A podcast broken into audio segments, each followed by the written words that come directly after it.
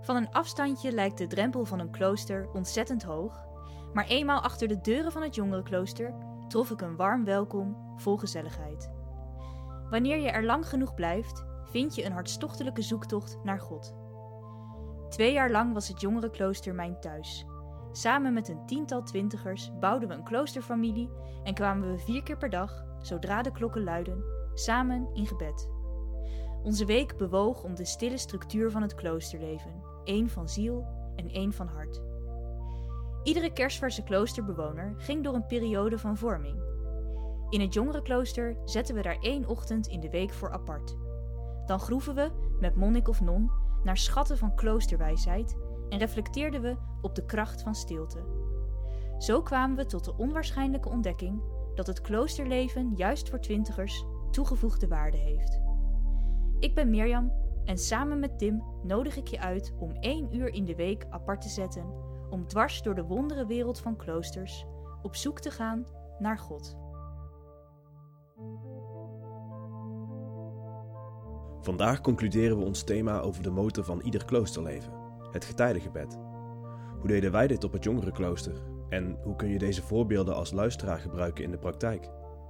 Om deze vragen te beantwoorden hebben we een kloosterzusje uitgenodigd waarvan ik heb gemerkt dat ze liturgie in de vingers heeft. Een ander belangrijk element van onze liturgie was denk ik, ehm, het maakt ook niet uit of je er met z'n tweeën zat of met z'n twintigen. Ehm, vaak bijvoorbeeld hè, in de middag, ja, dan waren heel veel mensen op hun werk, dus dan zat je maar met z'n tweeën in de kapel. Kijk, je zou kunnen denken, ja, waarvoor doe je dan nog zo'n middaggebed? Er zijn zo weinig mensen. Laat maar. Maar ook als je maar met z'n tweeën in de kapel zat, dan werkte het. Dan bracht het je toch even dat rustmoment. Dus dan ga je er maar gewoon mee door, want het werkt. We beginnen deze podcast vandaag wat anders dan gebruikelijk, omdat deze podcast verder gaat waar we in de afgelopen twee gesprekken gebleven waren. Daarom neem ik jullie, voor het gesprek met zuster Marjan begint, mee voor een terugblik naar een aantal bruikbare uitspraken uit de vorige twee podcasts. Te beginnen met deze twee fragmenten. Nou, Zo'n vast moment dat helpt in ieder geval ook heel erg in, in er een gewoonte van maken en er eigenlijk bijna niet meer over na hoeven te denken. Ja. Ehm, ja, dan wordt het gewoon onderdeel van je, van je dag. Ja. En ehm, voor mij is het eh, nu net zoiets als dat ik me 's ochtends aankleed en, en mijn ontbijt eet, eh, ga ik ook bidden. Dat, dat, ehm, dat helpt wel heel erg in het, ja, in het ook volhouden en het blijven doen. Nou, ik ben daar zelf ook wel in veranderd. Want aan het begin, ehm, ik ben eigenlijk helemaal niet van, van die vastgelegde dingen in liturgie en zo. Ehm, maar het helpt eh, ja, dat daar in ieder geval een deel gewoon in vast ligt. Een, Ja. een lied en een, een bijbeltekst die wisselt natuurlijk steeds wel weer. En eh, ja, dan stap je er ook, ook weer zo in. Het belang van een vast moment en de kracht van gewoonte zijn hulpmiddelen om een persoonlijk getijdengebed vol te houden. Maar dit is niet iets wat je van vandaag op morgen voor elkaar krijgt. Dit heeft tijd en oefening nodig. Ieder getijdengebed is een nieuw stapje in de goede richting. Een sterk hulpmiddel, waar zuster Talita het al over had in dit fragment, is een vaste liturgie. Hierover hebben we in de vorige podcast broeder Christian gesproken. En het volgende fragment illustreert nog even hoe liturgie en vastigheid je daarin kan helpen. Het handige natuurlijk van, van een vast stramien. En dat, ja, je kunt dat zo detailistisch doen als je wilt. Maar eh, je kunt ook gewoon zeggen, we hebben een paar pijlers waarop die orde gebouwd is. En dat geeft rust. Dat geeft rust als je weet, eh, als je niet de hele tijd om je heen hoeft te kijken, wat gaat er nu weer gebeuren? Omdat dan gaat alle aandacht daarnaar uit. Terwijl je juist wil dat de aandacht naar binnen gaat. Dat je de ruimte kweekt, ruimte maakt, ruimte schept om, eh, om die woorden die gelezen zijn, om daar eens, om die goed in te laten dalen. Eh, en daar helpt, het is, het is een hulpmiddel, liturgie. De rust die een vaste structuur kan bieden, maakt ruimte. En die ruimte is hard nodig. Ik zelf kwam dichter bij wat ik echt belangrijk vind en merkte dat ik dichter naar God groeide en hem steeds beter kon vinden. Broeder Christian omschrijft de liturgie die me daarmee geholpen heeft stevast als een spel. Een uitdrukking die de nodige luchtigheid met zich meebrengt en daarmee soms nog steeds botst met mijn wat meer eerbiedige en intense ervaringen en achtergrond. Desalniettemin zijn ook dat spel en de pracht van een goed uitgevoerde liturgie instrumenten die God gebruikt om mensen aan te raken. Het is misschien wel toepasselijk om samen met twee kloosterzusjes langs twee jaar leven op getijdengebeden in het jongerenklooster te wandelen. Te bespreken wat het met ons gedaan heeft en hoe het ons op verschillende manieren verder heeft geholpen. Misschien kan het je als luisteraar inspireren om er zelf op je eigen manier mee aan de slag te gaan. Mocht je daar warm voor lopen, we hebben een gratis te downloaden voorbeeldliturgie voor je gemaakt op onze website. Aan het eind van deze aflevering lopen we daar samen doorheen.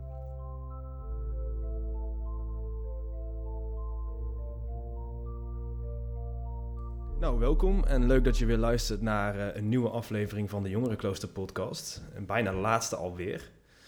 Um, ja, we gaan het uh, vandaag hebben over uh, liturgie en het getijdengebed. Um, hoe je die twee nou combineert en hoe je dit zelf kan doen. En daarvoor hebben we zuster Marjan uitgenodigd. Hallo, zuster Marjan. Hallo. en ja, zuster Mirjam gaat even uitleggen waar we zitten. Ja, want we zitten vandaag op een hele, hele speciale plek namelijk bij mij thuis. we zitten een keer niet in het boekenhol van Catharines, maar we zitten in mijn mooie riante woonkamer. Um, ik heb twee cavia's, die hebben we net uh, verplaatst, want die kouden door de opname heen. En ik heb de deur gebarricadeerd en er een briefje op gehangen dat niemand ons mag storen. Maar ik heb wel een heleboel huisgenoten, dus wie weet worden we nog wel gestoord. Maar ja, daar zitten we, daar zitten we dus. In het bruisende hartje centrum van Schalkhaar. Ja, je moet er maar opkomen. Maar uh, Marian, welkom. Dank kun je wel. Jij, uh, kun jij even uitleggen um, wanneer jij in het jongerenklooster gewoond hebt? Ik ben bijna aan het begin in het jongerenklooster komen wonen in september 2018. En ik ben er bijna twee jaar blijven wonen. De harde kern. Ja, absoluut. Ja. Als ik kijk, moet ik heel eerlijk, zal ik direct maar noemen. Als het ging met de liturgie aan het begin, is het bijna een wonder dat ik er twee jaar ben blijven wonen. Want ik vind liturgie best wel heel belangrijk. en aan het begin deden we dat best wel een beetje klunzig. Klopt. Ja. Daarom hebben we je ook uitgenodigd. Ja, om je, we hebben je uitgenodigd ja. om, uh, ja, omdat ja, jij houdt, jij houdt van liturgie. Ik hou van liturgie. Ik denk dat we dat wel kunnen stellen. Um, ja, laten we gewoon eens beginnen met teruggaan. Want wij hebben dus met z'n drieën behoorden wij tot de eerste club eigenlijk. Die in het jongerenklooster ging, ging wonen. Um, ja, en ik vind het altijd best wel lastig om me te herinneren hoe, hoe we daar eigenlijk aan begonnen, aan dat getijdengebed. Want het was voor ons zo vanzelfsprekend natuurlijk. We zaten daar vier keer op een dag in de kerk. Als ik aan mensen uitleg, hè, ik woon in het jongerenklooster, was allemaal leuk. Wat deed je daar dan? Ja, vier keer op een dag bidden. Ik kan me amper herinneren hoe dat, hoe dat uh, zich ontwikkeld heeft. Dus hoe, dat, hoe we überhaupt zijn begonnen. Um, herinneren jullie je daar iets van? Hoe we überhaupt, ja, hoe start je zoiets? Hoe start je met het vinden van een goede liturgie? Ik heb daar één duidelijke herinnering aan. Dat is, het zal mijn eerste weekend in het jongerenklooster zijn geweest. Uh, jullie waren er toen al twee weken, dus we waren al een klein, klein, klein beetje gewend aan de omgeving. Uh, het was zaterdagmiddag, denk ik. En we zaten gewoon met z'n allen in de woonkamer een beetje thee te drinken. En op een gegeven moment riep iemand... Jongens, het is bijna twaalf uur. Uh, volgens mij moeten we nu naar de kapel. En we hadden toen nog geen klokken, dus, dus het was nog niet hè, dat je automatisch Ja, een herinnering ja. krijgt. En ja, we lieten gewoon maar onze theekopjes staan en liepen allemaal een beetje lacherig de trap af naar de kapel. Allemaal een beetje van, ja, wat zijn we nu eigenlijk voor idioots aan het doen? Ja, geen idee. Maar ja, het is bijna twaalf uur, dus we gaan maar gewoon. Ja, precies. Dus dat toch een beetje het onwennige nog van dat je nog niet in dat ritme zit. En inderdaad, wat je zegt, we hadden ook helemaal niet de klokken. Nee, Want Nee. die hingen er natuurlijk wel, want we woonden in een klooster. En eh, die monniken, die wisten prima hoe je moest klokken luiden. Maar ja, wij, wij keken gewoon op de klok, zeg maar. Eh, weet jij nog, Tim, Ja. wanneer we met die klokken zijn begonnen? Ja, we kregen op een gegeven moment vanuit de buurt eh, de vraag of we niet de klokken konden luiden als we daar toch bidden. Ja, omdat, ze dan, omdat ze dan eh, weer denken van, oh, er wordt daar doorgebeden en ook voor, voor de buurt. Ja. Dat vonden wij zo, eh, zo'n ja, aandoenlijke bemoediging dat we toen eh, prompt de klokken zijn gaan beginnen te luiden. Ja, pas na een half jaar was het. pas na een half jaar Ja. gingen we de klokken luiden. Ja, in het begin was het vooral ook nog een beetje ook inderdaad onwennig. En voor mij was het eigenlijk juist heel gewennig, omdat eh, ik uit een minder liturgisch eh, complex, in de meer simpele liturgie achtergrond had, zeg maar. Dus gewoon punten. En dat was voor mij, oh ja, logisch, je hebt gewoon de punten en, en that's it, zeg maar.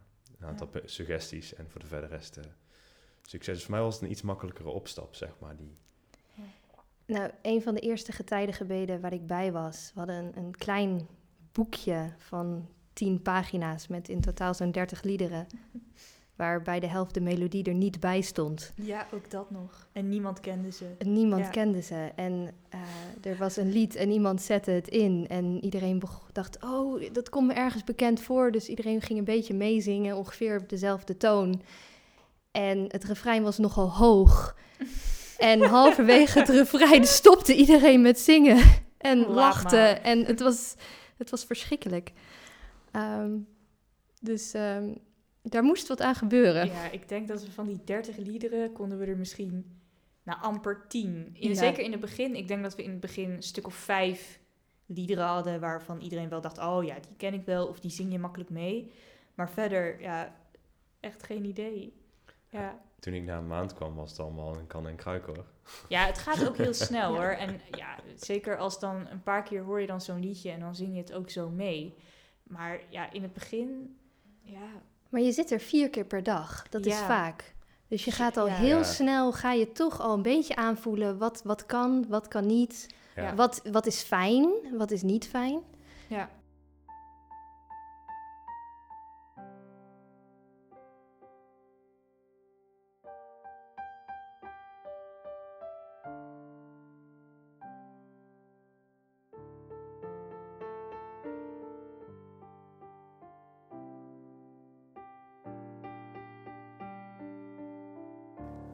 Ja, en ik denk ook, eh, ehm, we hadden natuurlijk wel eh, een paar vaste elementen. Dus eh, je hebt als groep ook vrij snel wel door van, oké, welke kant gaan we op?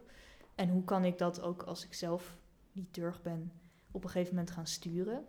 Maar ehm, wij hadden daar dus een, een soort van papiertje liggen, of dat zat in, in die eerste lullige bundel. dat de eerste bundel. Eh, heel klein lullig dingetje met een klein ringbandje erin en 30 liedjes. Maar vooraan stond natuurlijk ook de, de structuur van het gebed. Eh, Tim, jij noemde het al, dat waren gewoon een paar, paar van die puntjes. Ehm, wie, wie, heeft dat, wie heeft het bedacht? Hoe, want het lag er gewoon. Toen wij in de kapel kwamen, lag dat boekje er alsof het zo hoorde. Logo van het jongerenklooster er heel fancy op. Maar waar kwam het überhaupt vandaan, die, die hele structuur van het, van het gebed? de speel. En wat is de speel precies? Nou, eh, in het begin, toen de gangen van Nieuw Sion nog woest en ledig waren, Weer woest en ledig weer waren. woest en ja. ledig waren. De speel is een retraitecentrum waar ze, net als wij bij het jongerenklooster, eh, niet een vaste gemeenschap hadden aan het begin. Dus je hebt een liturgie nodig die in heel veel wisselende groepen toe te passen is. Ja. En dat is natuurlijk anders in een, in een klooster waar ze altijd met eh, dezelfde twintig monniken zijn. Ja, dan hoef je niet zoveel eh, uit te leggen, want je, je voelt alles gewoon aan en je weet alles precies. Maar met een wisselende gemeenschap ehm, kan dat minder goed. Ja, je moet iets hebben wat iedereen gelijk snapt als die het ziet. Nou, dat was dit wel simpeler dan dit kon het echt niet, denk ik. Eh, en we deden het natuurlijk in het begin ook nog niet zelf, toch? Ik bedoel, ehm, de getijdengebeden toen werden toch vooral geleid door mensen van het team, de inwonende mensen van het Ja. team. Eh, ehm, ja, dus ik kan me ook niet goed herinneren wanneer we daar zelf mee begonnen zijn. Heel snel al. Toch wel heel snel. Na een Ja. paar weken was het ook voor, hè, als, eh, als je daar woont en je moet meerdere getijdengebeden per dag zelf leiden, dat is A, heel intensief, eh, want je moet dus iedere keer naar de kapel.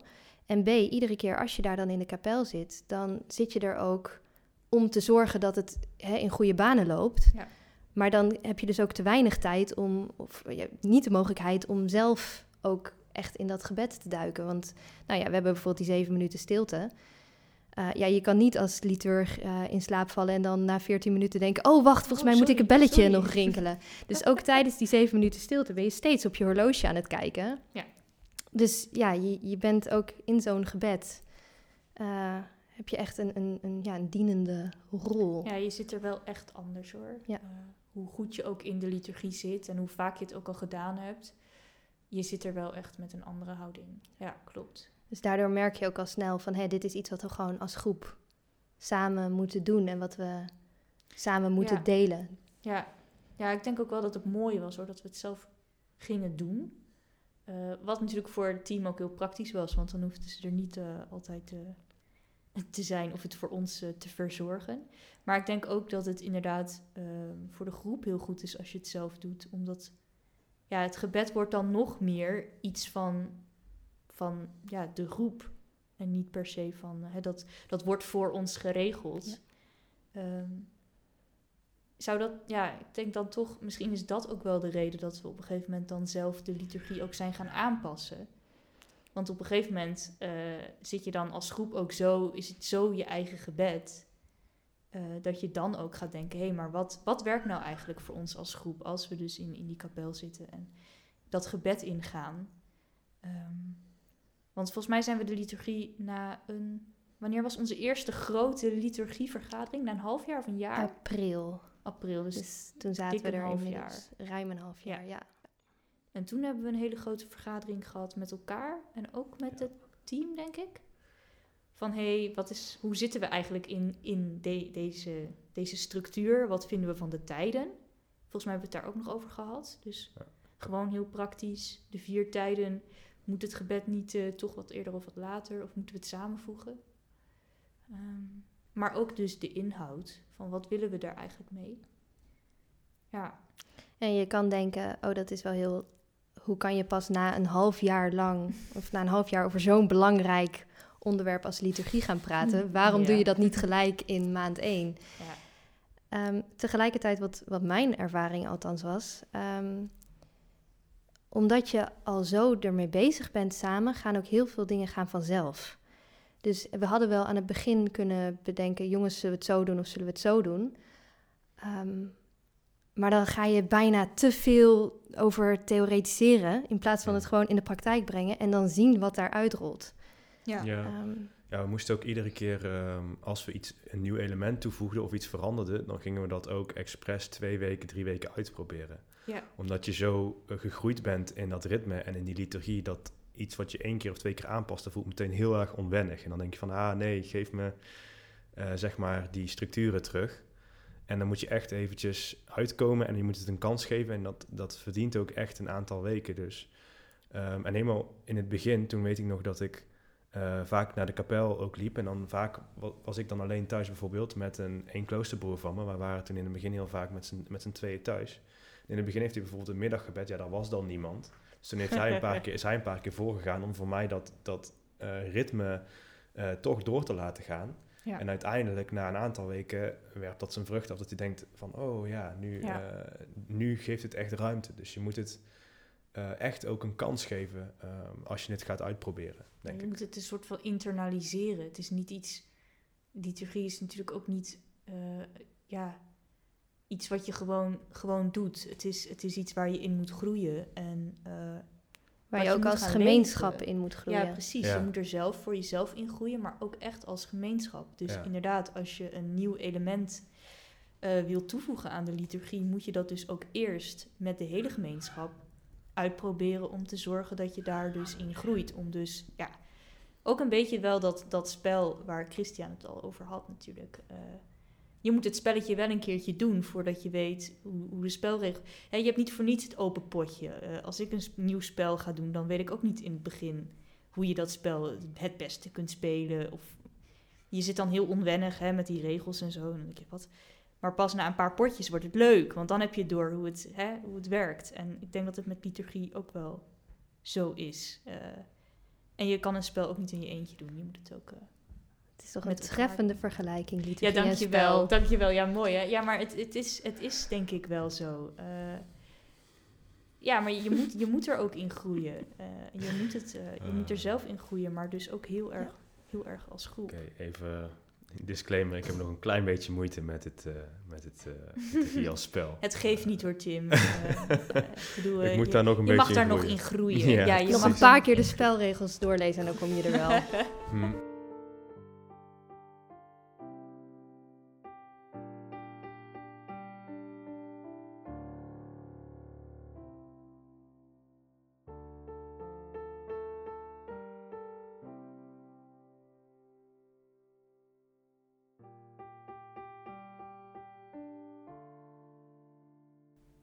Maar nog even naar die vergadering die we dus hadden toen. Uh, ja, kapittel is ja, vergadering. Dus, ja, dus vergadering, ja, kapittel noemen we dat dan met een mooi woord. Een groot kapittel was dus een grote vergadering. Was ook een lange vergadering, maar je moet ook met best wel veel dingen. Uh, er zijn zoveel aspecten van een liturgie en een getijdengebed. Dus ook de, heel simpel, de tijden. Uh, gewoon de kloktijden. We hebben nog met bijvoorbeeld dat avondgebed hebben we best nog wel wat lopen schuiven van hoe laat doen we dat precies. Ja, dan is Pietje Puk weer niet terug uit zijn werk, maar dan is wel die weer thuis. Dus daar hebben we nog best wel mee lopen goochelen. En ook met het nachtgebed. De een wilde zo laat naar bed en de ander wilde uh, liever nog gewoon eerst een film kunnen kijken voor het nachtgebed. Dus ook daarin hebben we best wel wat lopen schuiven. Maar volgens mij hebben we nooit echt getwijfeld aan die dat het er vier moesten zijn. Nooit. Nee. Ja, daar, was heel, daar is ook nog een tijdje over gegaan van... oh, maar dan kunnen we het nacht en het avondgebed wel ja, waarom niet? samenvoegen. En dan kwamen wij als eenmaal, nee, nee dat was echt, wij willen die echt... ja. Zelfs als ja. zeven minuten stilte, dat waren dingen, daar kom je niet, dat, dat kon bij niemand van ons anders. zeven minuten stilte hebben we ook... Helemaal in het begin hadden we geloof ik als suggestie bij het middaggebed stonden dan drie minuten stilte. Maar daar zijn we heel snel van afgestapt. Dat was er al af toen ik na twee weken kwam. Ja, dat heeft het nog geen twee weken het, volgehouden. ja. Want het heeft natuurlijk nog wel heel lang in dat boekje gestaan. Oh, ja. Uh, maar ja, dat, dat, dat, ik denk ook, ja, die zeven minuten voelden voor ons zo, zo goed. We hebben daar eigenlijk nooit, uh, nooit aan getornd. Die zeven minuten waren wel echt ook een beetje het centrale eikpunt misschien wel van onze vieringen. Dat je daar dus... Um, ja, dat, hoe, hoe je het ook bent of keert, welke gebeden je er ook aan toevoegt en ervan afhaalt. of je nou zingt of niet. Of je nou zingt of niet, die zeven minuten, die, uh, dat was toch een beetje waar het, ja, het middelpunt van, van de vieringen, waar we dus ook nooit aan en hebben getornd. Een ander belangrijk element van onze liturgie was denk ik, um, het maakte ook niet uit of je er met z'n tweeën zat of met z'n twintigen.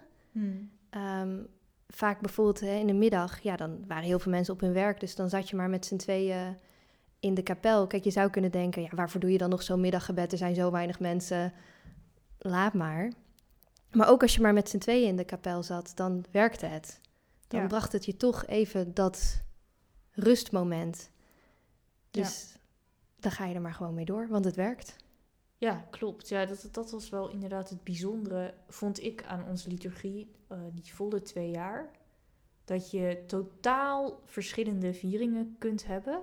Uh, ook weer heel afhankelijk van wie er is. En dat het toch eigenlijk elke keer dezelfde liturgie. Dus ja, liturgie is toch weer iets wat ook, ja, wat zich mee laat bewegen misschien ook wel. Dus het is iets wat je vormt als groep. Maar als groep vorm je de liturgie ook weer zelf. Ja, de gemeenschap groeit, of de liturgie groeit zo ook om de gemeenschap heen. Tenminste, ja, in ons geval kunnen we dat in ieder geval wel stellen, denk ja, dat denk ik wel. Ja. ja. Ja, en ik denk, ja, onze liturgie is ook echt letterlijk gegroeid uh, door de jaren heen. Ja. En dat is ook waarom we niet zomaar een bestaande liturgie hebben overgenomen. Klopt. Ja, we hadden prima kunnen zeggen, weet je, we doen het precies zoals uh, de Benedictijnen of, of als de Franciscanen. Maar je kan niet zomaar de liturgie van een bestaande gemeenschap op een nog niet bestaande gemeenschap plakken. Juist omdat het elkaar zo reflecteert, moet je daarin ook gewoon je eigen weg als gemeenschap zien te vinden. En kijken wat past en wat past niet. Ja, dus eigenlijk ben ik wel blij dat we dus met zo'n hele simpele basisstructuur zijn begonnen. Gewoon van hier, doe maar dit, wat. Probeer dit eens uit. Uh, En we hebben daarin natuurlijk ook heel veel vrijheid uh, gehad. We hadden ook niemand die, het, uh, die in die zin een, een voorbeeld hmm. per se neerzette voor ons. En dat gaf natuurlijk heel veel vrijheid om met elkaar ook te kijken van... Ja wat past nou eigenlijk bij ons? Ook natuurlijk omdat we een ecumenische club waren. Dus we zaten ook nog eens met heel veel verschillende achtergronden bij elkaar. Ja. Um, ja, ik, en dat, dat vind ik dus heel interessant. Dat dat voor ons toch best wel... Ik vind dat, als ik erop terugkijk, denk ik... Wow, het is best wel bijzonder hoe dat best wel soepel liep, vind ik. Hoe we toch met zoveel verschillende achtergronden... met zoveel andere uh, hè, ritueeltjes en dingen die we gewend waren. Uh, iedereen had een andere voorkeur ook vaak. Maar dat je dan toch één liturgie krijgt die dus werkt voor de groep. Ik vind dat echt... Ja, ik vind dat best wel bijzonder. Volgens mij hebben we nooit hele grote clashes gehad. Als ik me het gewoon terughaal, denk ik nee. Volgens mij... eh, ik en Marjan kijken elkaar aan, nooit echt lesjes gehad. Nou, over liturgie een spel bijvoorbeeld hebben we flinke Ja, maar ik bedoel puur, puur over... Nee, maar gewoon puur... Ja. Volgens mij hebben we nooit gehad dat ik bijvoorbeeld zei... Nou, ik wil per se dat gebed eh, eh, standaard in, op die plek eh, in de liturgie hebben. En dat jij dan zei... Ja, nee Mirjam, nu ga je te ver. Dat kan echt niet. Nee, ja, dit komt denk ik onder andere ook omdat we het met elkaar echt hebben gebouwd. Ja. En je hebt elkaar ook echt nodig gehad. Als je met een relatief kleine club hebt, moet je het samen dragen. Ehm, en het is natuurlijk ook niet alsof wij, zeg maar, wij hebben het ook echt met vallen en opstaan gedaan. En er waren echt ook wel momenten in ons kloosterleven dat wij eh, bijvoorbeeld niet eh, twee getijdige gebeden achter elkaar misten en dachten van, oh ja, ik heb er nu, nu even niet. En dat we elkaar als groep dan ook zeggen van, ja, ik heb er ook gewoon geen zin in. En dat we dan niet, niet gingen. Ja. Ehm, alleen uiteindelijk kwam er altijd iemand van zeggen, jongens, we laten dit versloffen. Waarom zitten we hier? En we hebben allemaal gemerkt nu dat, dit, wat, dat de toegevoegde waarde van het getijdengebed is. Dus laten we het weer gewoon gaan doen. En dan in het begin gaat het ooit weer een beetje stroef. En dan uiteindelijk dan, Ja. dan heb je echt weer die meerwaarde. Dus maar wat ik hier eigenlijk mee wil aangeven is dat het bij ons ook echt met vallen en opstaan ging. Ja. ja, en ik denk ook wat je al eerder zei, hè, dat eh, een bepaalde ruimte geven aan, aan dingen. Eh, dus dat je, dat je ook, we hebben natuurlijk heel vaak, we hebben niet één kapitel gehad over liturgie en zo. We hebben, dat was gewoon iets waar we het met regelmaat wel gezamenlijk over hadden. En dan was het toch heel vaak, als we er niet uitkwamen, was dan toch heel vaak de oplossing. Laten we gewoon A proberen. En dan zien we Ja. over twee weken of een maand wel weer. En ander- als dat niet werkt, doen we B. Dus je geeft ook Ja, Ehm, je geeft daarmee ook aan van hè, er is niet per se een goed of een fout. Het is iets wat eh, bij ons moet passen. En daar komen we alleen maar achter door het te Ja. doen. Dus ik kan me herinneren dat we op een gegeven moment in het nachtgebed. Er was iets met het Onze Vader ook. eh, de plek van het Onze Vader. Op een gegeven moment zijn we het Onze Vader gaan toevoegen aan ons avondgebed als vast onderdeel. Maar ik kan me herinneren dat we het ook nog even in het nachtgebed geprobeerd hebben. We hebben de eerste acht maanden ieder nachtgebed Ja. afgesloten met het Onze Vader. Ja. En na een discussie kwam die op een of andere manier voortaan terecht in het avondgebed. En Ja. ik heb Ja. echt nog acht maanden lang het nachtgebed gemist aan het einde, of het, het Onze Vader Ja. gemist aan het Ja. einde van het Ja. nachtgebed. Maar hè, dat besluit je dan ehm, als groep. En daar konden wij elkaar helemaal in vinden. Ja. Dan weet je dat nog, Marjan? Ja. Wij, ja, zitten, wij zitten vaak het meest ver uit elkaar op. We zitten ooit wel eens op, eh op Ooit eh, wel eens op gesprekken lijn, maar... eh, uit elkaar. Maar dit waren wij allebei heel erg over eens. Dat echt onze vader moest terug naar het nachtgebed. We hebben echt Ja. nog maanden tegen elkaar gezegd... ja, nee, het is nog Maar nu steeds zit niks. het in het avondgebed, Ja. nog steeds. Ja. En zijn jullie daar aan het einde... eh, merk je dan dat dat... Blijft dat dan wrijven? Of is dat dus iets wat op een gegeven moment... omdat je het dus heel vaak als groep doet... toch Ja. op zijn plek valt? Het duurde ongeveer een jaar voordat ik niet meer ieder nachtgebed dacht, waar is het Onze Vader? Nou, ik, heb, ik kan Ja, het me... was iets sneller. ik, kan, maar- ik moet echt ik. eerlijk Maar- zeggen... Ik kan me oprecht niet herinneren dat we het onze vader in het nachtgebed hebben gebeden. Nee, kijk. Maar dat is wel Ja. wat, wat ik althans echt heb geleerd eh, over liturgie in het jongerenklooster. Ehm, ik heb best wel een mening over liturgie en over bepaalde liederen. En ehm, nou ja, tegelijkertijd, hè, dan was er bijvoorbeeld een lied wat ik echt ofwel niet mooi vond, of gewoon vond dat het niet te zingen was, omdat het eigenlijk te moeilijk was.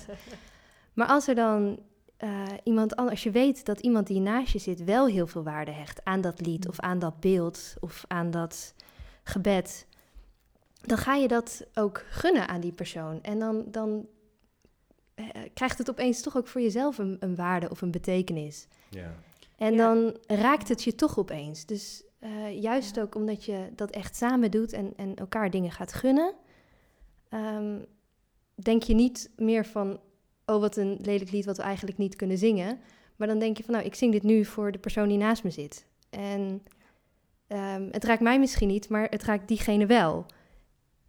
En dan toch raakt het mij opeens ook. En dan, Omdat het voor die ander, wat ja, je ziet, precies. eh, dus het is een dat die ander eh, het kan gebruiken om bijvoorbeeld dichter bij God te komen. En dan zie je ook, ja, of tenminste, dan is God aan het werk. Ik zie God dan aan het werk door dat lied en dan denk ik van, oh ja, ja, ja, ja, oké.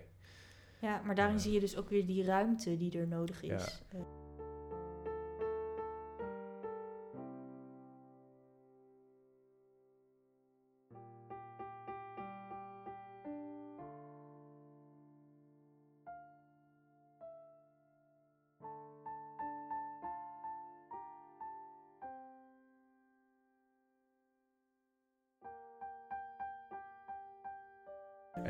Het was ook vanaf het begin een soort van gezamenlijk doel dat we hadden om dat getijdengebed te gaan doen. En om met elkaar eh, die, die uitdaging, die reis aan te gaan. En daardoor vonden we het ook zelf. En ja, daar heb je daar, bijvoorbeeld, neem bijvoorbeeld uh, coronapasen, waarin we zeg maar met z'n allen, de eerste coronapasen ja. moet ik eigenlijk zeggen, toen we met z'n allen op die abdij zaten, dus heb ik echt, hebben echt hoogtepunten uitgehad en iedereen heeft zo een bijdrage gedaan. Uh, ja. ja. prachtige liturgie voor mijn gevoel. Die coronatijd was, was best wel heel bijzonder, omdat ja. daarin een heleboel dingen op hun plek vielen. Kijk, wij hadden gewoon ons getijdengebed, hè, vier keer per dag. Maar op zondagochtend ging iedereen gewoon altijd naar een, een, een kerk in de buurt. En ja. hè, sommigen die uh, zaten dan uh, geknield uh, in een, in een Rooms-Katholieke Eucharistieviering. Anderen waren aan het luisteren naar een ellenlange preek. Nog weer anderen die stonden met handjes in de lucht blije liedjes te zingen. um, dus daarin hadden we ook gewoon ja, heel veel vrijheid. Kon je gewoon op zondagochtend kon je doen wat je wilde. Maar ja, ineens gingen al die kerkdiensten niet door toen we in die corona-lockdown terechtkwamen. Hm. En ik geloof dat vrijwel gelijk de eerste zondag zeiden we, nou dan doen we, we hebben toch een kapel, dan doen we hier toch iets. Ja.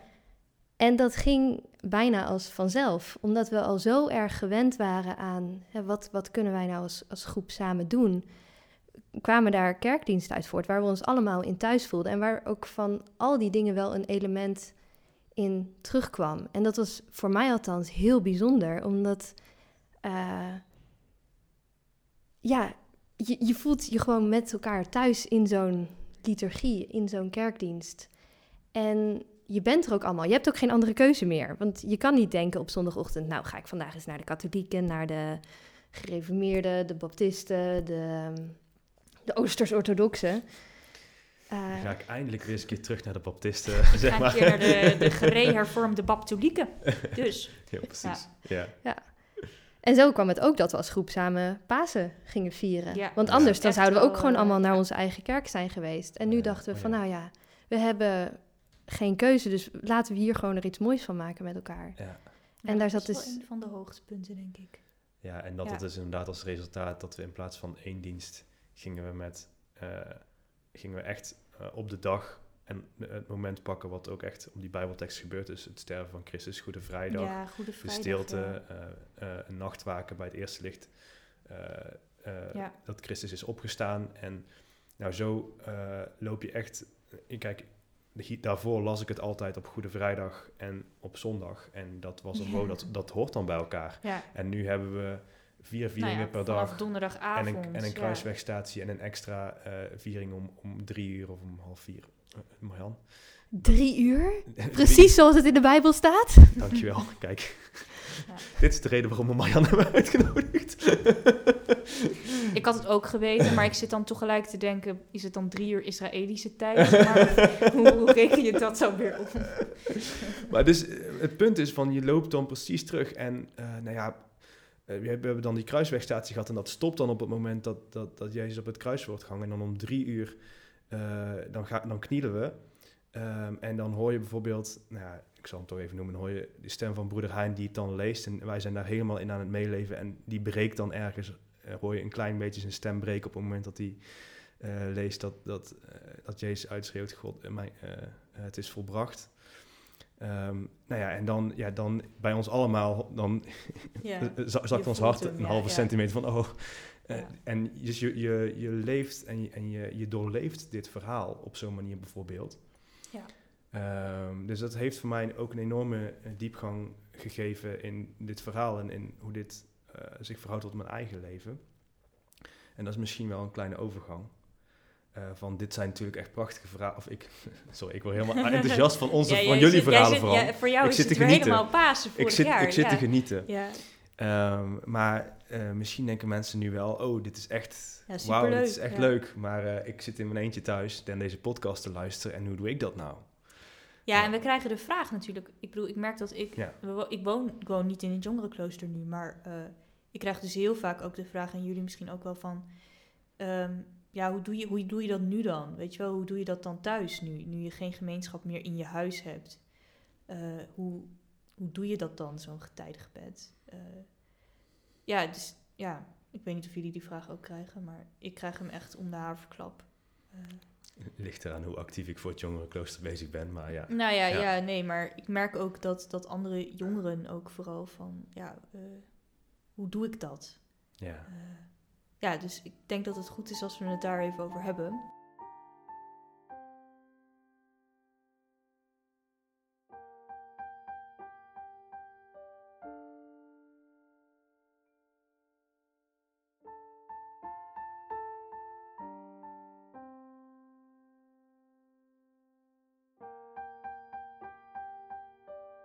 Maar eh, Tim, eh, hoe, doe jij het, eh, hoe doe jij het thuis? Ja, ook echt met vallen en opstaan.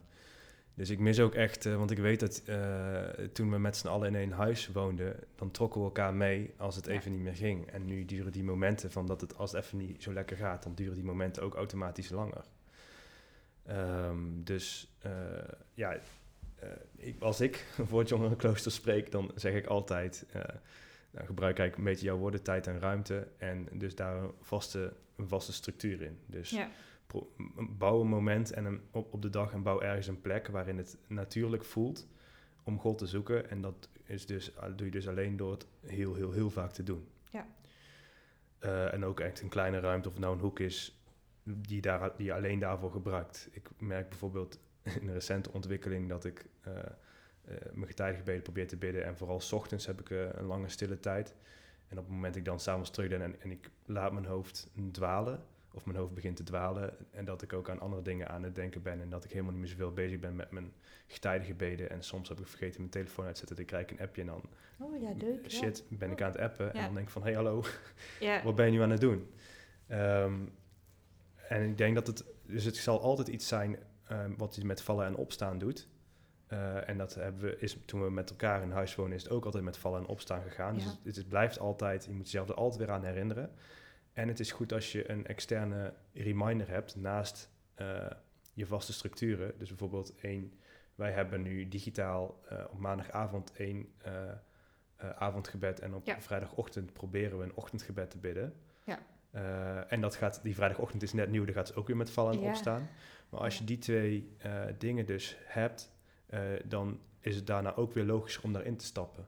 Ja, dus als je, als je maandagochtend hebt en, en nou, woensdagavond heb je helemaal niks gedaan. Of, en, of je, je beslist om, om één keer een dag opening en een dag sluiting te doen. En het gaat een paar aantal dagen niet. Maar je weet, vrijdagochtend zitten we er weer allemaal. Dus Ja. dan heb je een, een externe eh, bron die je zeg maar daar, die zegt van oké, maar dit is vast, dit gaan we Ja. met z'n allen doen.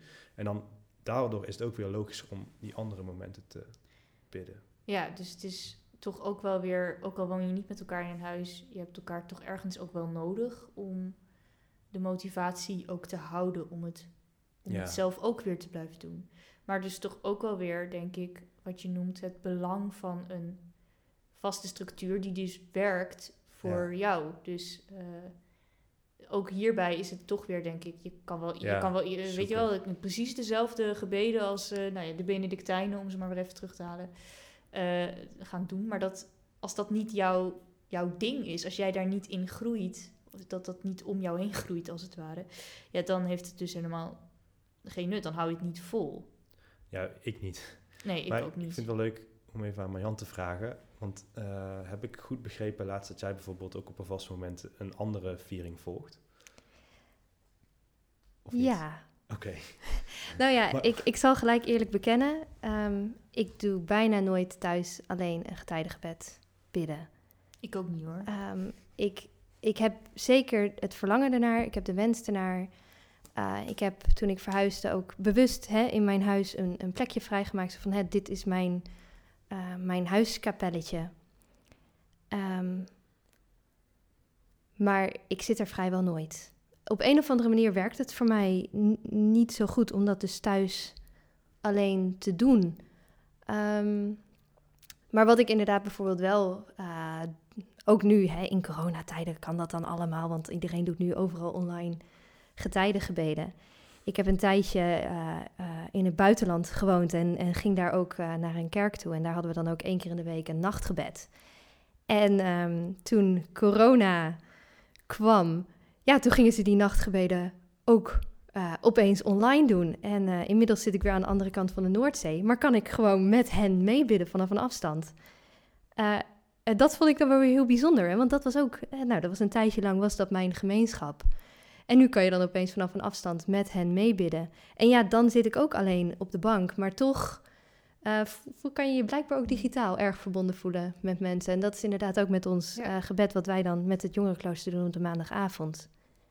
Ja, en het is een structuur, die, die liturgie van die vieringen, dat is een structuur die, waar jij al ingegroeid bent. Dus je, je stapt daar ook zo weer in. Dat merk ik ook als ik met jullie uh, hè, gewoon via Google Meet met een baggere verbinding desnoods zeven minuten stil ga zijn. Want dan zetten we dus allemaal onze microfoon uit en zo. Dat vind ik altijd heel mooi.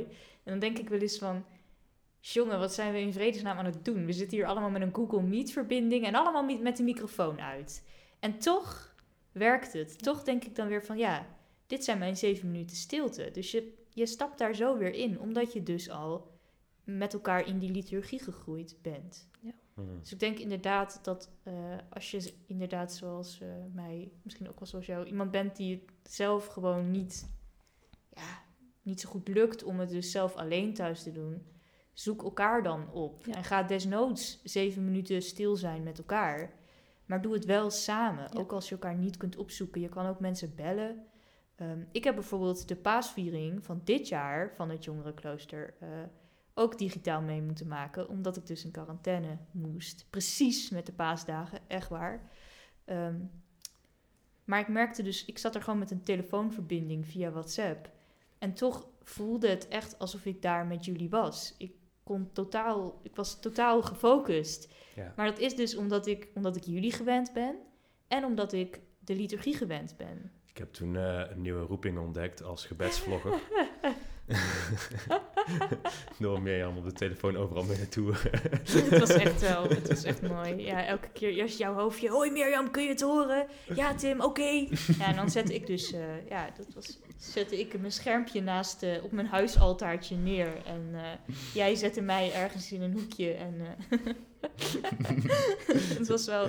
Ja, nou, maar dat, dat behoort wel tot nog steeds wel een van mijn nieuwe hoogtepunten. Dus het kan prima digitaal. Ja. En uh, ja, dan denk je, oh, tof. En hoe, hoe, doen, wij dat, dan? Hoe doen wij dat dan? En ja, gelukkig hebben wij uh, van tevoren eventjes de koppen bij elkaar gestoken. Ja. Om, om als je denkt van, hé, hey, uh, dit lijkt me iets, dit, dit vind ik leuk, dit wil ik gaan uitproberen. En het zal echt een tijd uitproberen zijn. Ja, geef het dus minstens, nou, een maand zou ik wel zeggen hoor. Ja. Of twee weken. Ja, en ja, kijk wat werkt. Hè. Dus wij, wij werken met, met vier getijden gebeden. Ja. Maar begin is bijvoorbeeld met, met een dag opening en een dag sluiting. Uh, dat is niet zo heel, heel... Of gewoon één keer in de week. Ja, probeer een lat te vinden die niet te hoog ligt. Waar je zeg maar eerder gemakkelijker overheen stapt dan waar je tegenop loopt. Um, en dan kan je altijd nog uitbreiden. Ja, ik, bedoel, uh, ik weet ook van, van Talita bijvoorbeeld, uh, die twee afleveringen geleden er was. Ja die uh, is ook met een dag opening en een dag sluiting zelf begonnen en heeft hem nu uh, toch uitgebreid naar drie keer op een dag. Dus ja. dat, de, je, kan het jezelf altijd, je kan het jezelf altijd nog moeilijker maken. Uh, maar begin nou eens makkelijk met iets wat voor jou te doen is.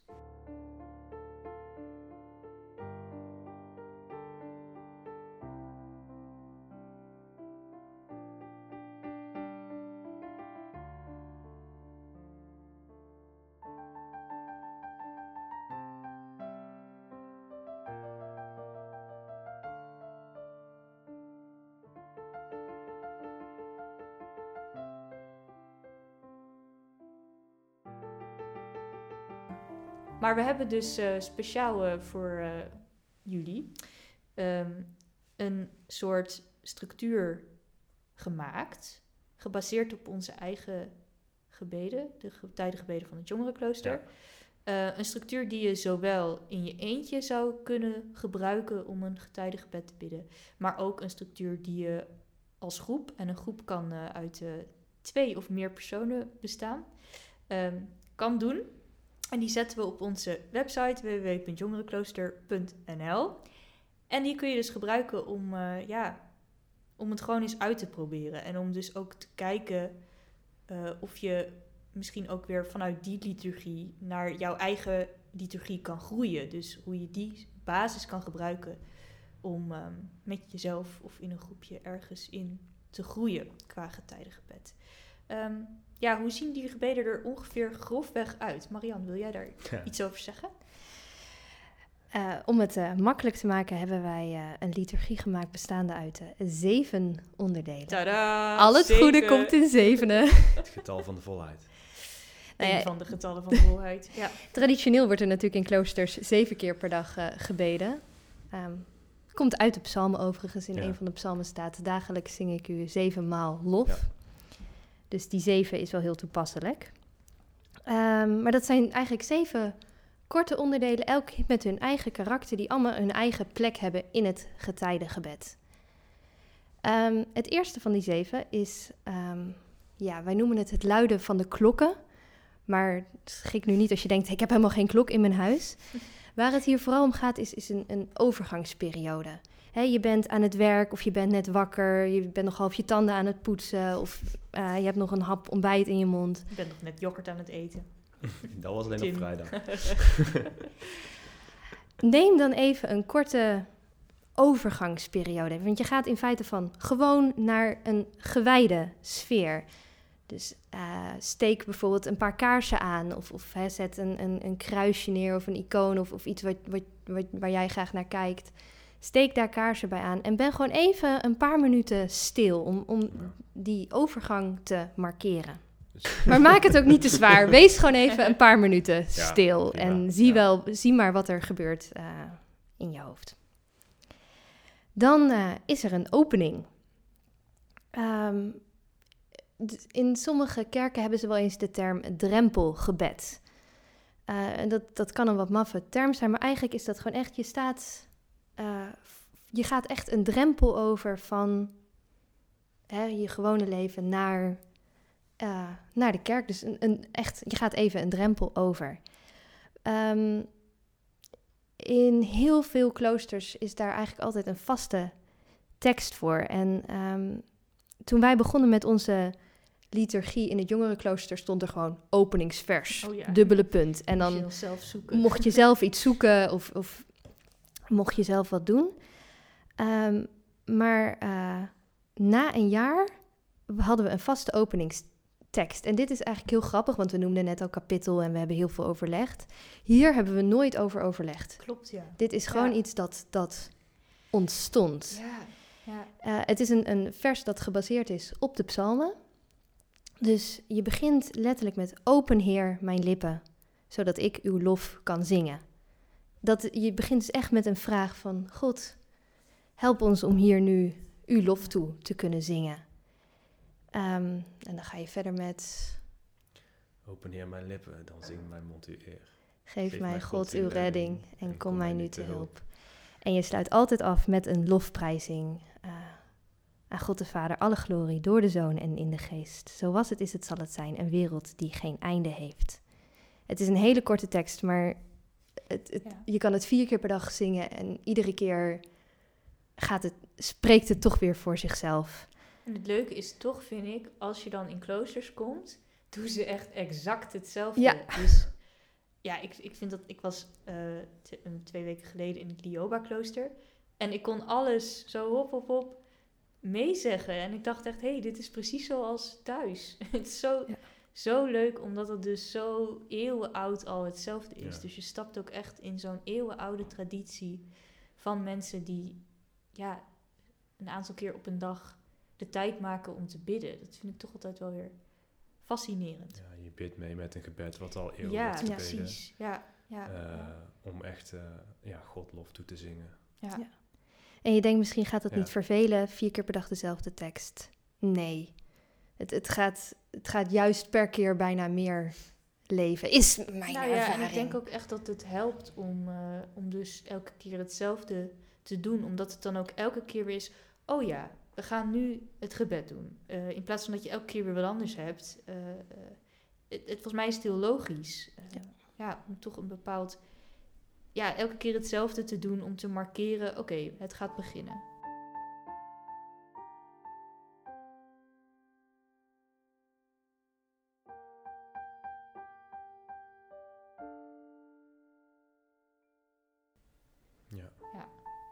En daarna.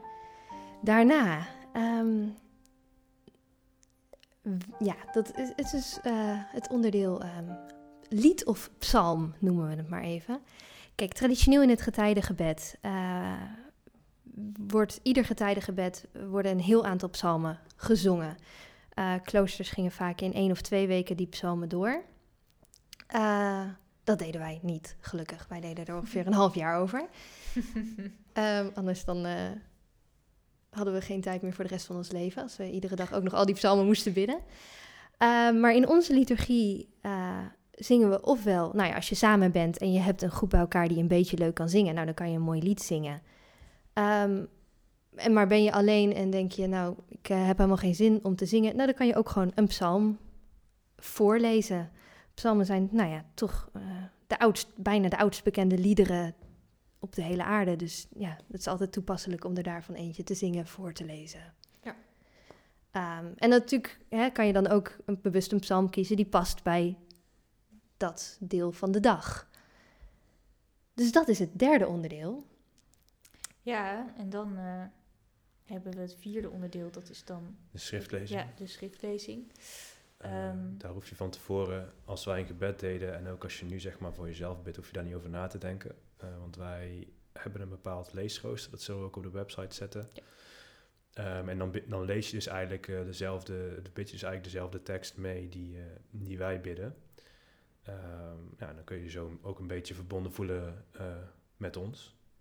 Ja. Maar dat, dat, is dus altijd, daar staat al, hebben we al een tabel voor van woensdag, avond, middag. Ja nacht. Dan, ja, en vaak hebben de vier lezingen van de dag dan ook ergens weer iets met elkaar te maken. Dus dat is ook, het vormt ook een soort uh, geheel. Ja, leeslijn, ja. ja. maar je kan natuurlijk ook gewoon voor jezelf uh, bedenken dat je ochtends Genesis wil lezen en smiddags een psalm en s'avonds een evangelie iets.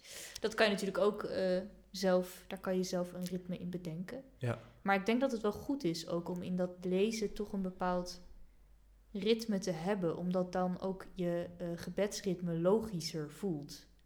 Ik weet nog wel, toen we geen leesrooster hadden, hadden we een poosje dat we elke avond uit Genesis lazen, geloof ik. En de uittocht en zo. En ik vond dat toch wel. Um, dat, dat, dat kenmerkte ook heel erg dus het avondgebed. Dus ik merkte ook als ik dan een keer een avondgebed had gemist, dat ik dus een lezing gemist. En dan viel ik toch weer een beetje moeilijker in dat verhaal. Dus het, soms dacht ik echt wel eens van, ja, maar ik wil wel naar het avondgebed, want ik wil weten hoe het verder gaat met een obscuur figuur uit het Oude Testament. Um, ja, dus het, het, geeft ook een bepaald, uh, bepaalde ja, nestgeur of zo aan je gebed. Um, dus ik denk dat het toch goed is om daar een, een bepaald ritme in te hebben. Juist als je het getijdengebed vol wil houden. Ja. ja. Maar dat hebben we dus al uh, gecoverd, eventueel voor jullie. Haha.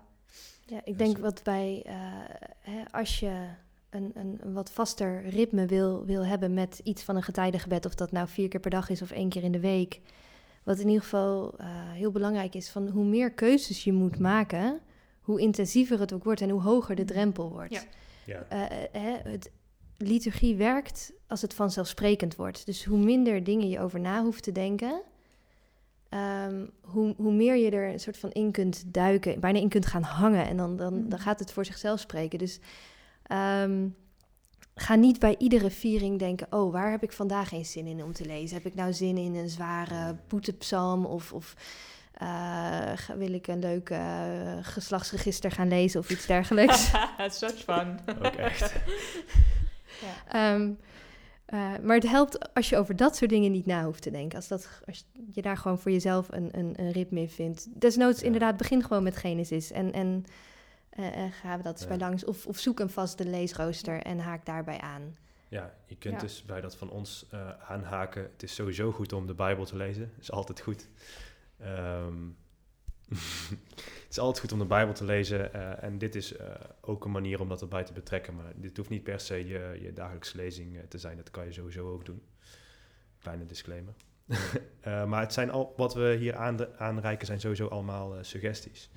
Dus zoek, zoek daar ook in wat voor jou werkt. Zoals we al vaak hebben gezegd. Ja. Je moet echt je moet het kunnen volhouden. Ja. Dus het is makkelijk als je niet zoveel beslissingen bij maakt. Dus of je begint nou in Genesis en je leest bij ieder getijdig bed dat door tot tot openbaring. Dat is ook uh, hartstikke prima. Maar dan ja. heb je ook een, een, vaste lijn van je denkt, oké, okay, nu lees ik dat, nu lees ik dat. En het belangrijke is dan ook dat het voor je vaststaat als je weer terugkomt. Dus als je, je gaat ongetwijfeld een aantal getijdengebeden missen ergens een keer. En dan denk je van, ah shit, ik mis nu toch iets. Ja, misschien niet. Ik in ieder geval wel. Ehm, en dan kan je dus ook weer aanhaken en dan weet je van oké, dan lees ik dat weer verder. En dan ga ik weer, stap ik Ja. er weer in en dan lees ik weer door. Klopt. En dat heb je dus zowel bij het leesrooster wat wij, wat bij ons op onze website gaat komen te staan. En het leesrooster, of, of zo'n, zo'n, zoiets wat je in Genesis bijvoorbeeld begint en dan doorleest. Ja. Eén element wat ik iedereen wel absoluut zou aanraden om dat vooral niet over te slaan, is stilte. Stilte in Ja. een getijdengebed. Ehm, we, we noemden het net al. In ons getijdengebed, die stilte, die, die, die, die staat centraal. En, en die gaat echt voor zichzelf spreken. Dat is ook iets, je zal jezelf erin moeten oefenen. Aan het begin zit je misschien eh, je boodschappenlijstje te maken of, of stenen te tellen of wat dan ook. Misschien doe je dat na een jaar nog steeds, maar geef jezelf die gelegenheid om eens te gaan luisteren naar wat er nu in je leeft. En als er niks is, dan maakt het niet uit. Als je je gedachten gewoon laat gaan, dan maakt het niet uit. Maar het is eh, heel fijn om eh, jezelf te oefenen in dat eh, stil zijn. Is mijn ervaring. Ja, nee. Nee, ja, stilte is... eh, ja. Ja. Meestal ook na de, altijd na de lezing. dan, eh, dat je de, de tekst op je kan laten inwerken. Eh, Of niet. Nou, broeder Hein zei altijd zo, zo leuk, eh, en die is ook wel wat eh ellenlange preken gewend, maar die zei altijd van, ik vind het wel fijn dat iedereen eigenlijk eens een keer zo'n waffel houdt dat je zelf kan nadenken over die tekst. En ja, Ja. daar had hij ook wel iets, eh, had hij ook Ja. wel een punt. Dat, dat belicht ook weer een hele andere kant van, eh, Ja. van, van, een, van een lezing. Ja. In mijn ervaring spreekt een stilte van zeven minuten meer dan een dominee van een, in een preek van een uur. Ja. Ja, klopt. Pas op, dit gaan heel veel dominees. Dominees één tip.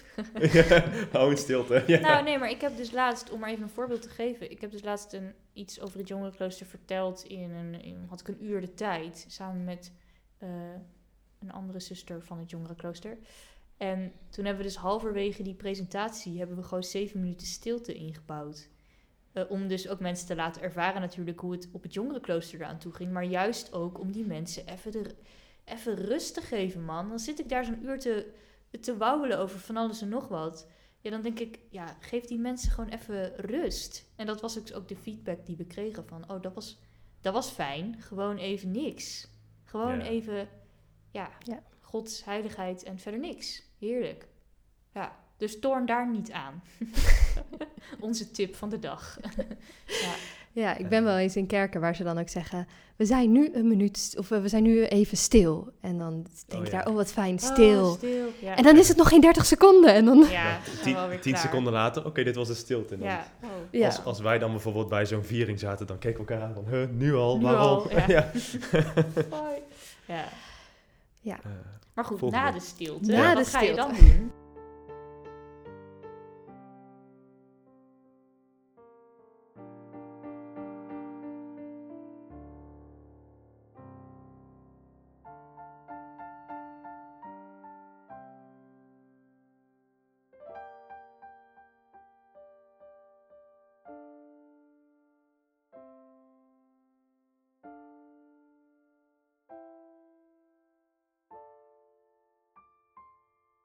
Nee, je gaat toch, hè, na zo'n getijdengebed, eh, ga je ook weer, weer de wereld in. Dus het is ook goed om eh, ook een moment in te bouwen om eh, ook gewoon even te bedenken van, hè, waar, waar ga ik nu heen? Wat heb ik nu nodig? En daarvoor hebben we het gebed. Dat kan heel makkelijk. Je kunt gewoon het Onze Vader bidden. Dat, dat is altijd Ja. van toepassing en, en, en ook altijd voldoende. zeker. Ehm, je kunt eh, een, een, bundel eh, bij, bij je huisaltaartje leggen. Ehm, je kunt zelf bidden. Dat, dat is ook iets hè, waar, je, waar je in moet zoeken en kijken van wat vind ik fijn. Ehm, en, en wat past bij me. Maar, maar ehm, probeer maar eens om in ieder geval altijd het Onze Vader te bidden. En wat we dan als laatste element hebben, dat is om natuurlijk ook, ja, je bent dan begonnen met, met even zo'n moment stil worden, die openingstekst. Eh, en ik denk dat het laatste onderdeel ook ja, de afsluiting is. Je kan niet zomaar, hè, dan ben je stil geweest, heb je gebeden, amen, doei. En dan ga je weer, joep, doei de mazzel en veel plezier. Maar meer het, ehm, ja, toch weer even ook afsluiten en denk: oké, nou, dit was mijn gebed. En nu ga ik opstaan en weer verder met mijn dag, met mijn werk. Of ga ik naar bed als het s'avonds laat is. Maar toch even weer een, ja, een soort van moment nemen om het ook echt af te sluiten. En daarvoor hadden wij ook altijd wel een vaste afsluitingstekst, die ook weer heel erg komt uit, uit de kloosterwereld, die je ook zult herkennen als je naar het gemiddelde klooster gaat, waarin we ook altijd wel uitspraken van hè, God, God gaat met ons mee. Uh, ons gebed is nu afgelopen, maar God gaat ook buiten dat gebed nog met ons mee. Um, ja, en ook altijd vaak wel, hè, loof de Heer de tijden door. Overal is onze dank. Ja, dat was altijd een beetje onze vaste afsluiting. Ook om af te sluiten met ja, het lof brengen aan, aan God. Uh, ja. En vragen om zijn zegen. En vragen om zijn zegen natuurlijk ook. Ja, dus ook uh, ja, toch weer het... Snel? Oké. Toch het, uh, nou ja, het even afsluiten, maar ook dus aangeven van ja, maar God gaat ook buiten dat gebed ja. wel met mij mee. En daar mag ik op vertrouwen wat ik ook ga doen. Of ik nou verder ga werken of ga slapen. hij is er. Uh, en dan is het dus des te mooier dat je dan vervolgens weer naar bij het volgende getijdengebed zit. En dan gewoon weer begint met het open heer mijn lippen. Dan zingt mijn mond heel eer. Ja, dus het is ook... Die getijdengebeden zelf zijn een moment van lof. Maar ook daarbuiten... Ja, God gaat met je mee en je brengt God Eigenlijk kan je God altijd lof brengen. En wat bij mij ook altijd, hè, dus je, je hebt de zegen en dan daarna um, spreekt uh, de liturg dan het zinnetje uit. Um, loof de Heer de, loof de, heer de tijden door, ja. overal is onze dank. Dan realiseerde ik me toch altijd even van, oh ja. En nu gaan ze op een ander klooster, beginnen ze nu net. Ja, of inderdaad ook wel van dat we dan ochtends uh, in het gebed zaten en dat je dan denkt, oh ja, ergens anders op de aarde slapen ze nog. Ja. En, of gaan ze nu net met het nachtgebed beginnen. Dus ja het getijdengebed is ook inderdaad iets wat, ja... Je doet het zelf, door, maar...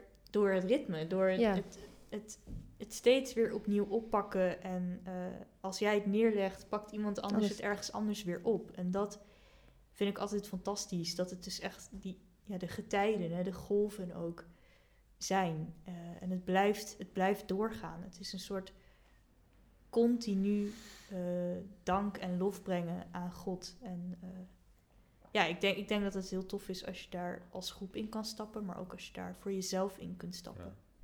Ja. Ja. Nou, om af te sluiten denk ik, ehm, wat is nou de gouden tip die jullie zouden meegeven aan mensen thuis die ook in een getijdengebedsritme willen stappen, maar niet in een klooster wonen? Marianne? Gewoon gaan doen en vergeet niet te lachen. nice. Ook als het een keertje fout gaat. Maakt niet uit, lach erom. En eh, ga gewoon de volgende keer weer verder. Een beetje Shia LaBeouf. Just do it. Ik dacht dat dat de slogan van Nike was, maar ik vind de... Dat is ook de slogan van Nike, ja. Ja, ja, ja. ja. Eh, nou ja, blijf lachen. Eh, ja, inderdaad, ga, ga het doen. Eh, ja, wat ik al eerder heb gezegd, eh, bouw aan een vast, vast plekje en een vaste tijd eh, waarin het logisch is om God te zoeken. Eh, ga het doen met vallen en opstaan en eh, eh, vraag Gods hulp erbij en eh, gebruik het iedere keer maar als een soort van middel om, eh, om God te zoeken. Om dichter bij God te komen, omdat het daar toch eigenlijk allemaal om draait. En eh, ja, En geef jezelf de kans om ermee te oefenen. Denk, Ja. Ik bedoel, Ja. als je een keertje daar zit en, je- en je denkt van ja, het was leuk, maar, maar er gebeurde helemaal niks. Dat maakt niet uit. Laat je dan niet uit het veld slaan. Maar eh, dat Ja, heb ik ook nog vaak. ja, ik zou me zorgen maken als dat niet zo was. ja. ja, ik denk als ik, als ik dan nog eh, zo vrij mag zijn om een tip te geven, is inderdaad, leg die lat nou niet te hoog. Ja. Toen ik in het Lioba-klooster was, hoorde ik ook het verhaal daarvan iemand die zei... Ik, ja, we vroegen zo van, ja, en hoe vaak heeft u nou, eh, heeft u nou God ervaren? En het antwoord was, ja, nou, toch zo'n vijf keer. En zeg maar, in heel leven van bidden in een klooster, hè, jarenlang, vier keer Ja. op een dag bidden in een klooster, vijf keer God ervaren. Maar dat was wel, dat waren zulke ervaringen, ja, daarvoor, ja, daarvoor doe ik het dan. Ja. Dus inderdaad, het, het volhouden, ehm, leg de lat niet te hoog. Zoek iets wat voor je werkt. Zoek een vaste plek. Zoek elkaar op. En zoek een vaste structuur. Denk dat we het dan eh, enigszins hebben samengevat. Ja. En als je ons dus, ehm, ja, als je dus onze structuur wil gebruiken of onze leesrooster, kun je ons dus vinden op onze website www.jongerenklooster.nl. Veel makkelijker kan ik het niet maken. Marian, Eh, ja. dankjewel dat je hier eh, wilde zijn. En eh, Tim, jij ook eh, weer bedankt. Ja, jij ook eh, bedankt, super, super gezellig. Ja. Eh, leuk dat jullie hier in mijn huis wilden zitten. Ik zal nu even de doen. cavia's weer terugzetten op hun plek, want die zullen het wel koud krijgen inmiddels. Dankjewel voor het luisteren en eh, graag tot de volgende keer. Dank voor het luisteren naar de Jongerenklooster podcast. Met muziek en composities van broeder Hein. Volgende week is de allerlaatste aflevering van dit seizoen. Broeder Catharines en ik gaan de confrontatie aan in de derde bronteksten podcast over kloosterregels. De regel van Augustinus versus de regel van Benedictus. Wat is de beste kloosterregel voor jonge mensen? Zuster Mirjam zal ervoor zorgen dat we elkaar niet in de haren vliegen en zorgt voor een waardige afsluiter. We zien jullie graag volgende week.